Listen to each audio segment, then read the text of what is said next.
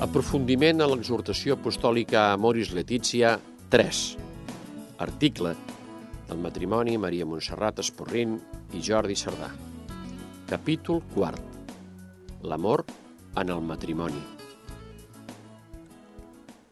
Entenem el matrimoni cristià com un projecte de vida en comú de dues persones que s'estimen i posen Déu com a testimoni, construint aquest camí dia a dia amb l'ajuda de l'Esperit Sant i sense crear-nos expectatives que ens puguin portar desencís o contrarietats.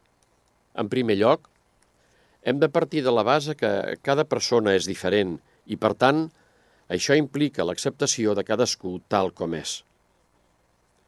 A banda d'aquesta realitat, no hem d'oblidar que la psicologia de l'home i de la dona tampoc són iguals. A partir d'aquesta premissa, el papa Francesc, en aquesta exhortació, ens dona tota una catequesi basant-se en l'amor.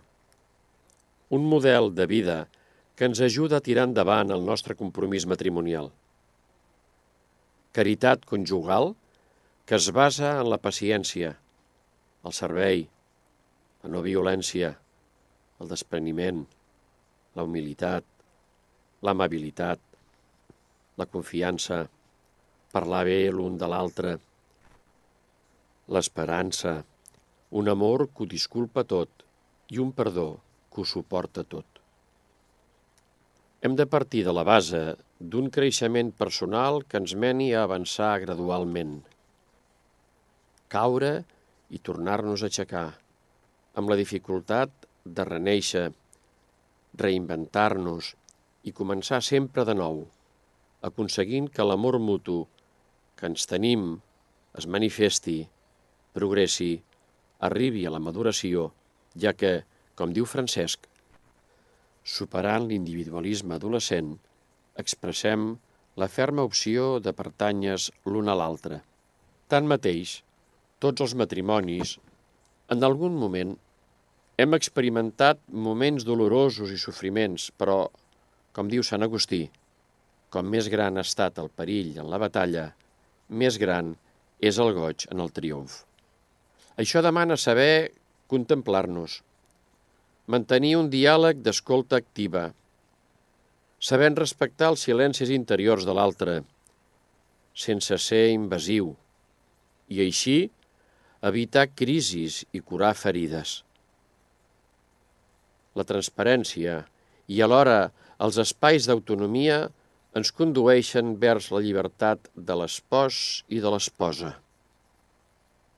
El matrimoni, en certa manera, es podria comparar a una partitura en la que hi ha moments de tensió que es resolen en fragments de distensió per arribar a la coda final que ens allibera, ens calma i ens dona tranquil·litat i felicitat. En segon lloc, però no menys important, hi hauria l'apartat de les emocions, ja que, com assenyala el papa, Déu ho va crear tot per al nostre gaudi. Per tant, no hem de qüestionar la importància que té la sexualitat dins la parella, ja que és un do de Déu, on els esposos, des del respecte i sense violència ni submissió, ens trobem de forma total.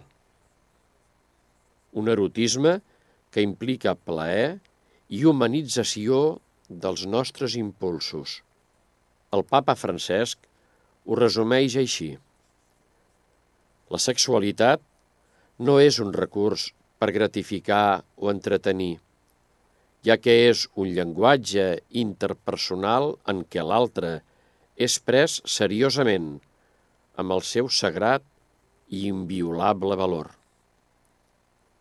En el mateix text, el papa fa al·lusió a un paràgraf del filòsof medieval Alexandre de Hales, en el que exalça el matrimoni i el compara amb la unió de Crist amb l'Església o la unió de la naturalesa divina amb la humana.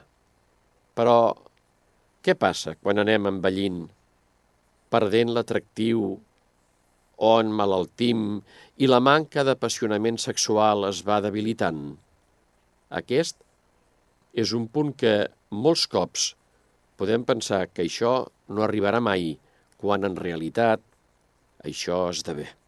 Creiem que aquesta és una fase natural de la vida i no per això estem en el dret d'abandonar l'altre.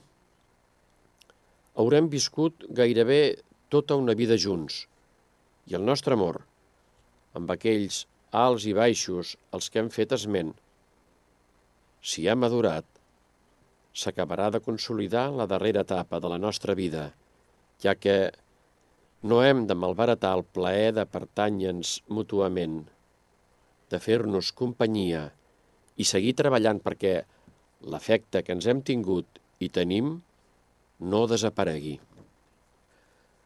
La idea d'envellir junts mereix també una catequesi. Serà diferent, però, no per això, menys atractiu.